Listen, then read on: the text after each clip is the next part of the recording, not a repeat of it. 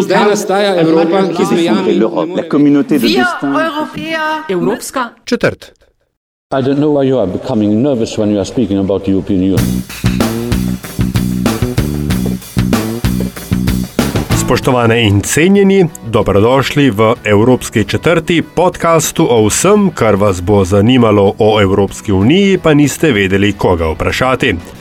Podcast vodiva Aljaš Pengov Bitenc, urednik Radia Chaos in Nataša Briškim, urednica Metine liste. Evropska četrt domuje na spletni postaji metinalista.sim, v vašem nabiralniku pa sveža epizoda vsak drugi ponedeljek, ta je enajsta po vrsti. V tokratni epizodi se lotevamo sestave Evropskega parlamenta. Trenutno ta še vedno šteje 750 poslank in poslancev ter predsednika, po novem, po Brexitu prihodnje leto ko se bomo postovili od 73 britanskih poslancev in poslank, pa vsaj, če načrtovane spremembe dobijo dokončno zeleno luč, v parlamentu sedi le še 705 poslancev in poslank.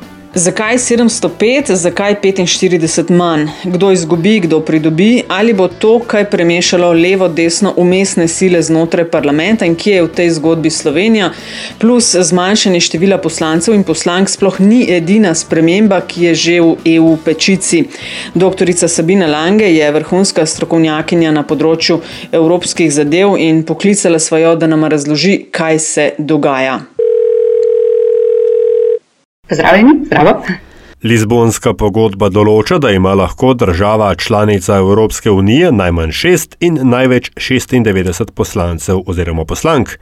Nemčija je edina država, ki jih šteje toliko, po šest pa jih imajo Cipr, Luksemburg in Malta. Več ima država prebivalcev, več ima predstavnikov v parlamentu, logično. Ampak se, ne, se pa to število ne veča proporcionalno številom prebivalcev, ampak upadajoče. Vmes se nam je zgodil Brexit, kar prinaša določene spremembe. Zaenkrat vse še stvar dogovorov, pogovorov, pogajanj, ampak vemo, da z volitvami 2019 eh, ne bo več tako, eh, kot je bilo. Um, Odbor za ustavne zadeve je pred dnevi oziroma tedni izglasoval precej enotno nove spremembe oziroma spremembe. Kaj te spremembe so? Torej, te nove spremembe reagirajo po eni strani na odhod britanskih poslancev in teh je kar 73, torej v parlamentu za 751 jih odhaja 73, to ni zanemarljivo število. Po drugi strani je pa imel parlament nalogo že od leta 2013, da najde način, po katerem bo ta upadajoča proporcionalnost dosti bolj poštena in objektivna in bo odsevala tudi demografske spremembe v državah članicah. Osnovno število je bilo določeno na neko število prebivalcev v neki dani točki, ampak prebivalc, število prebivalcev se spreminja in bi bilo potrebno, oziroma naročeno je bilo parlamentu najti formulo, ki bo odsevala te spremembe v številu prebivalcev in to je zdaj odbor za ustavne zadeve predlagal in gre na februarsko plenarno zasedanje parlamenta. Odhod 73 Britancev in Britank bo po besedah dr. Lange precej spremenil razmerja političnih skupin. Trenutno so britanski poslanci razporejeni, večinoma jih je v treh skupinah, pri čemer jih je skoraj um, polovica vseh članov skupine Evrope svobode in neposredne demokracije je Britancev. Torej, ta skupina bo od sedanjih 45 poslancev padla na 25, kar pomeni, da tukaj se res gubi. Ampak to ni skupina, ki bi odločala v političnem procesu. To je skupina na, pač na strani, eh, tako da ta, teh 20 se bo izgubilo, se ne bo pa izgubil tolikšen glas Britancev v, skozi te skupine ne, v odločanju. Tako da zelo pomembno je, da jih da je 21 poslancev od 74 v eh, skupini Evropskih konzervativcev in reformistov poslanci, to so uh, britanski toriji, ne, konzervativci britanski so v tej skupini, uh, ti odpadajo. Um, in po drugi strani je 20 laboristov v skupini socialistov in demokratov in ta skupina bo zgubila teh 20. medtem ko recimo v Evropski ljudski stranki ni Britancev in oni ne izgubljajo ničesar. Tako da predvsem se spremenita tukaj razmeri med dvema največjima skupinama, torej med ljudsko stranko in socialdemokrati, ker ljudska stranka nič ne zgubi, socialdemokrati pa zgubijo v tem. Končna slika bo, jasno, v veliki meri odvisna tudi od razpleta naslednjih evropskih volitev, načrtovanih za prihodnje leto. In ta Evroparlament se po brexitu in volitvah predvidoma krči iz 751 na 705 članov in članic. Zaradi brexita nobena država v prihodnje ne bo imela manj poslancev in poslank od tega, kar že ima. 13 jih ostane na istem in med njimi je tudi Slovenija. 14 od 27 držav pa jih nekaj pridobi. Tiste, ki naj bi bile na plusu, bodo v grobem na plusu zaradi prirasta prebivalstva. V Sloveniji tega naskoka pač ni bilo, ni torej prirasta prebivalstva takega v primerjavi z ostalimi državami, ki so pridobile. Uh, je pa Slovenija že dobila enega poslanca v tem času. Ne, ne smemo pozabiti, z Lizbonsko, Lizbonsko pogodbo smo dobili osmega. Uh, osmega poslanca. Mhm. Najbolj pridobijo zanimivo ravno države uh, Francija, Španija, Italija, uh, pa potem še nekaj severnih držav. A še vedno se ne kaže preveč razburjati. Preračunano na število glav imam, kot rečeno, Slovenija enega poslanca oziroma poslanka na okoli 260 tisoč prebivalcev, Nemčija, da nimo, enega na okoli 800 do 900 tisoč ljudi. Britanci torej odhajajo s svojimi 73 poslanci in poslankami, um, prerasporejajo se nekako te številke, 46 sedežev. Uh, naj bi bilo po odločitvi odbora za ustavne zadeve v rezervi. Zdaj pa v rezervi za dve stvari. A. Ali za prihodnje članice in B. Ali za tako imenovane nadnacionalne liste. Pa se k tem še vrnemo, najprej glede prihodnih članic. A je to že napoved, da se nam obeta večanje EU-ja v bližnji prihodnosti? Kar se tiče širitve, oh, po tistem. Um majhnem razočaranju v govoru Junkerja leta 2014, da ne vidi širitve v obdobju te komisije, so zdaj recimo upana nekje na 2025. Um, preprosto, ker je z političnega vidika, tako domačega kot geopolitičnega, mislim, da je prišlo do spoznanja, da je treba vliti neko novo motivacijo. Um, Če se bo to zgodilo, je pa spet samo odvisno od politične volje. Predvsem na strani EU in, in iznajdljivosti, kako prenesti to politično voljo tudi v notranjo politično situacijo v državah kandidatkah. Ja, razumem. A je, potem, a je potem recimo Srbija tista, ki bi bila med prvimi? Um, trenutno po pogajanjih sta Srbija in Črna Gora neki ki je v spredju, ampak glede na to, kako so stale te kandidatke in potencijalne kandidatke majhne, mislim, da bi se dalo z dovolj volje jih pripeljati na isto raven, da bi lahko imeli verjetno željeno širitev v enem krogu. In zdaj še k transnacionalnim listam, ki jih omenja odbor za ustavne zadeve. Zakaj pravzaprav gre? To je zanimiv koncept, ki pa je izjemno nerazdelen trenutno. Skratka, gre za besedo, ki ima zelo malo vsebine, tudi zato, ker potrebuje posebno pravno osnovo za njo. Tako da v tem predlogu, ki trenutno obstaja, je samo referenca na rezervirane sedeže, ni pa še nikjer dalje razdeljeno, kako bi se to oblikovalo. Ampak v osnovi, rečemo v politični teoriji, ja. a, to pomeni, da ob obstoječih volilnih okrožjih, ki jih imamo za volitve v Evropski parlament, to so posamezne države članice, ne, si lahko predstavljamo, da je vsaka država članica pač eno neko nadokrožje za volitve, bi se uvedlo tudi eno enotno volilno okrožje, na katerem bi kandidirali tolikšno število kandidatov, koliko ko je tam prostore, torej rečemo trenutno EU minus Velika Britanija, torej 27. In to pomeni, da bi vse politične družine, skratka vse te, um, torej socialisti, ljudska stranka, konzervativci in tako naprej, uh, postavili kandidate tudi na te transnacionalne liste za to enotno volilno območje, torej vsaka 27. In mi kot voljivci bi lahko volili za kandidate v torej našem primarnem okrožju, pač v državi rezidentstva, recimo, če živiš v Sloveniji, Okej. voliš za enega od osmih slovenskih, hkrati bi pa dobili še dodatni glas, da bi lahko volili za glas, dali glas enemu od teh 27 a, neposredno a, v tem volilnem okrožju. Z drugimi besedami, recimo, lahko bi na tem nad, nadnacionalnem nivoju uh, glasovala, kaj zvem, za, za enega Nemca. A je to to? E, Lahko, torej na teh, eh, tam bi bilo torej recimo 27 kandidatov na vsaki, od vsake politične stranke in lahko bi glasovala za katerega koli od teh 27. Ni še doročeno, kako bi se te liste postavile. Eh, Prvi, tako imenovani non-paperi ali pa predlogi zdaj jih začenjajo krožiti z razno raznimi pravili od tem, koliko nacionalnosti mora biti na vsaki listi, koliko jih mora biti med prvih pet, recimo, ne, nekaj podobnega tem rešitvam, ki so se iskale za um, moške, ženske uh, kandidate nekoč. Ne. Okay, se razumem, da je vse še v fazi načrtovanja, ampak ni potem, če pride do teh nadnacionalnih list, da, da kandidati iz tako mehkih držav kot je Slovenija, v bistvu na koncu nimajo šanse, ne? ker Nemci si težko predstavljaš, da bo za enega Slovenca obkrožil uh, ali pa kaj zvem, Portugalca. Ali se motim? Uh, Če ne bo prednostnega glasu, pomeni, da preprosto voliš za listo. Ne? In uh, A prvi ja, pa je listi- odvisno od tega, kje so tako visoko, Ja. če te dosti visoko pozicionirajo, odvisno koliko lista dobi, pol prideš ali pa ne not. Enako kot pri nas, minus okay. preferenčni glas. Ne? Okay, okay. A, Temeljnega pomena tukaj je ideja, da bi voditelji teh list, torej v tem enotnem volilnem okrožju, bili kandidati za predsednika komisije.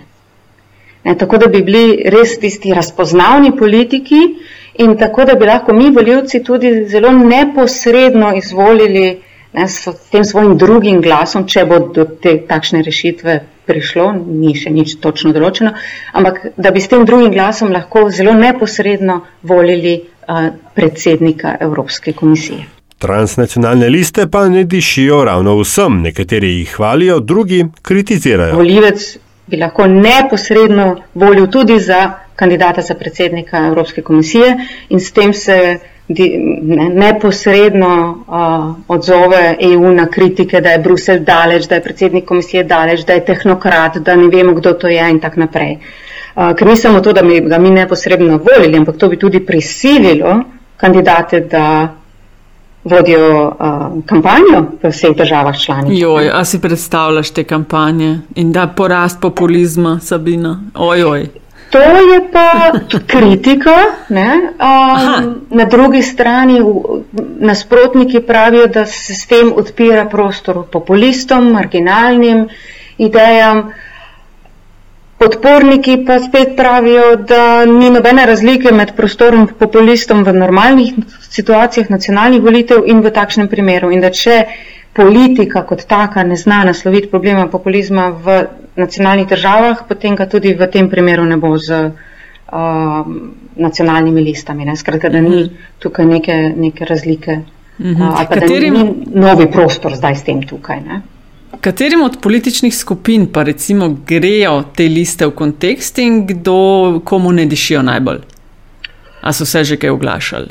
Ja, to se je videlo recimo pri razpravah v, znotraj odbora za ustavne zadeve. Um, podporniki so seveda tisti, ki si želijo tesnejšo integracijo, pa poenostavljeno povemo tisti, ki vidijo um, razvoj EU vsaj v smeri federalizacije, če ne že v finalitete federalizacije, ampak vsaj v tej smeri. Nasprotniki so pa tisti, ki se borijo za ohranitev seveda po, centralnega pomena držav tudi v, um, eh, v EU. Se da na kratko reči, tisti, ki so bolj na desni, so primeru, nekaj bolj ja. proti nacionalnim, nadnacionalnim listam, tisti, ki so bolj na levi, pa so bolj zakotne. Stvari postanejo malo bolj komplicirane, zelo na, na skrajni, le, skrajni strani, seveda. No, ker bi bila presenečena, če v EU kaj ne bi bilo zakomplicirano. Um, delno je problem tudi v tem, da koncept ni v celoti razdelan. In če vprašaš ti trenutnega evropskega parlamentarca, ali se s tem strinja ali ne, se mu je težko strinjati, ker ne ve točno, kaj to pomeni za njegovo kampanjo. Tako da mislim, da se bodo stvari malo bolj izkristalizirale s tem, ko se bo koncept bolj izkristaliziral. Tako da mogoče se stvari zdaj trenutno prehitevajo, prehitevajo se pa pač zaradi nujnosti in zato, ker je Brexit odprl nekaj novih uh, vprašanj. Ampak sigurno zeleni in liberalci so med uh, podporniki, prav tako socialdemokrati. Uh, bolj prešljive so pa pozicije v Evropski ljudski stranki. Tam je kar precejšen del, ki se, ali pa bom rekla, stranka kot celota se zdaj postavlja precej na stališče proti transnacionalnim listam. Zaenkrat je predlagane spremembe, torej zmanjšanje števila poslank in poslancev, prerasporeditve britanske kvote in idejo o transnacionalnih listah sprejel odbor za ustavne zadeve. Kako naprej? Odbor uh, je sprejel uh, predlog za um, Motion for Resolution Evropskega parlamenta. V lepi slovenski besedi, ja. V lepi slovenski besedi, se upravičujem. Uh, in je uh, to zdaj um, predvideno za glasovanje na februarskem zasedanju, uh, plenarnem zasedanju. Uh, skladno s pogodbo z Lizbone pa mora potem takšno resolucijo v torej gre za sklep, ki je vsebovan v tej resoluciji, soglasno sprejeti Evropski svet, torej voditelji držav uh, članic in njihovih vlad ali vlad, pardon, ob strinjanju Evropskega parlamenta. Evropski svet ima predvideno neformalno zasedanje 23. februarja, na katerem naj bi razpravljali o večjih institucionalnih vprašanjih in potem redno marčevsko zasedanje, na katerem bi bilo zelo zaželeno, da se ta o, sklep sprejme. Se pravi, veliko bo odvisno od volitev 2019, tudi med drugim, kaj se bo dogajalo s tem, kako se bo prerasporejalo. In ko smo že pri volitvah 2019, tako rekoč pred vrati Sabina je. Eh, novo predsedovanje Slovenije Evropski uniji. Na zadnje smo predsedovali od januarja do junija 2008, naslednji plan je od julija do decembra 2021, a bo v tem drugem krogu kaj drugače ali se ponovi isti mušter kot iz leta 2008. Um. Najprej se spomnim leta 2008, ko smo govorili o naslednjem predsedovanju, se je to zdelo nekje v daljni, daljni prihodnosti, ne? zdaj pa je to že realnost, smo v času, bom rekla, ko bi bile zgodnje priprave, vsaj tiste kadrovske, že nekje lahko v teku. To pa predvsej sprememb. Ne? Mi smo leta 2008 predsedovali še v času pred Lizbonsko pogodbo uh, in to je, ta je prinesla za delovanje sveta in predsedujoče države obilico sprememb. Um, če izpostavim dve prvo um, vloga zunanjega ministrstva in predsedovanje svetu za zunanje zadeve je po pogodbi z Lizbone sedaj minimalna, medtem ko je prej bilo to, bom rekla, skoraj jedro predsedovanja. Uh, tako da odpadejo večina, ne čisto vse, ampak večina vseh zunanje političnih aktivnosti države članice kot predsedujoče odpade, zato ker je obstaja visoka predstavnica in obstaja celotna Evropska služba za zunanje delovanje, ki sedaj predseduje večini teh odborov uh, in uh, pripravlja uh, delo sveta za zunanje zadeve in tega torej več ne dela država članica, ki predseduje. Po drugi strani pa država članica, ki predseduje, še vedno predseduje zdaj ostalim devetim informacijam sveta. Kjer se je pa delo izjemno zakompliciralo, zato ker ne predseduje, oziroma predseduje že samo devet, tem devetim formacijam sveta, ampak delo teh devet formacij je pa v veliki meri odvisno tudi od tega, kaj se dogaja v Evropskem parlamentu. In zato je predsedujoča država članica sedaj ne samo glavni pogajalec v svetu, ampak je tudi predstavnik in pogajalec sveta v odnosu do Evropskega parlamenta. In Tukaj se pa stvari precej spremenijo, nadgradijo. Um, Evropski parlament se je zelo spremenil v teh desetih letih in več, uh, tako da tukaj bo precej, precej spremen. Uh, najlepša hvala in uh, Sabina, zasnežen pozdrav v Bruselj. Hvala lepa, nazaj. To je bila Evropska četrt, predlogi, mnenja, pohvale in kritike dobrodošle na infoafnametina.sim, glasbena podlaga. Evropski četrt je delo audionautics.com, na družbenih omrežjih pa nas lahko podsukate za rokav na hashtag oziroma ključnik Evropska četrt. Če boste pri volji, da naj jo ocenite pri vašem izbranem podcast ponudniku, hvala vnaprej. Hvala tudi za vašo družbo, slišimo se spet prihodnič.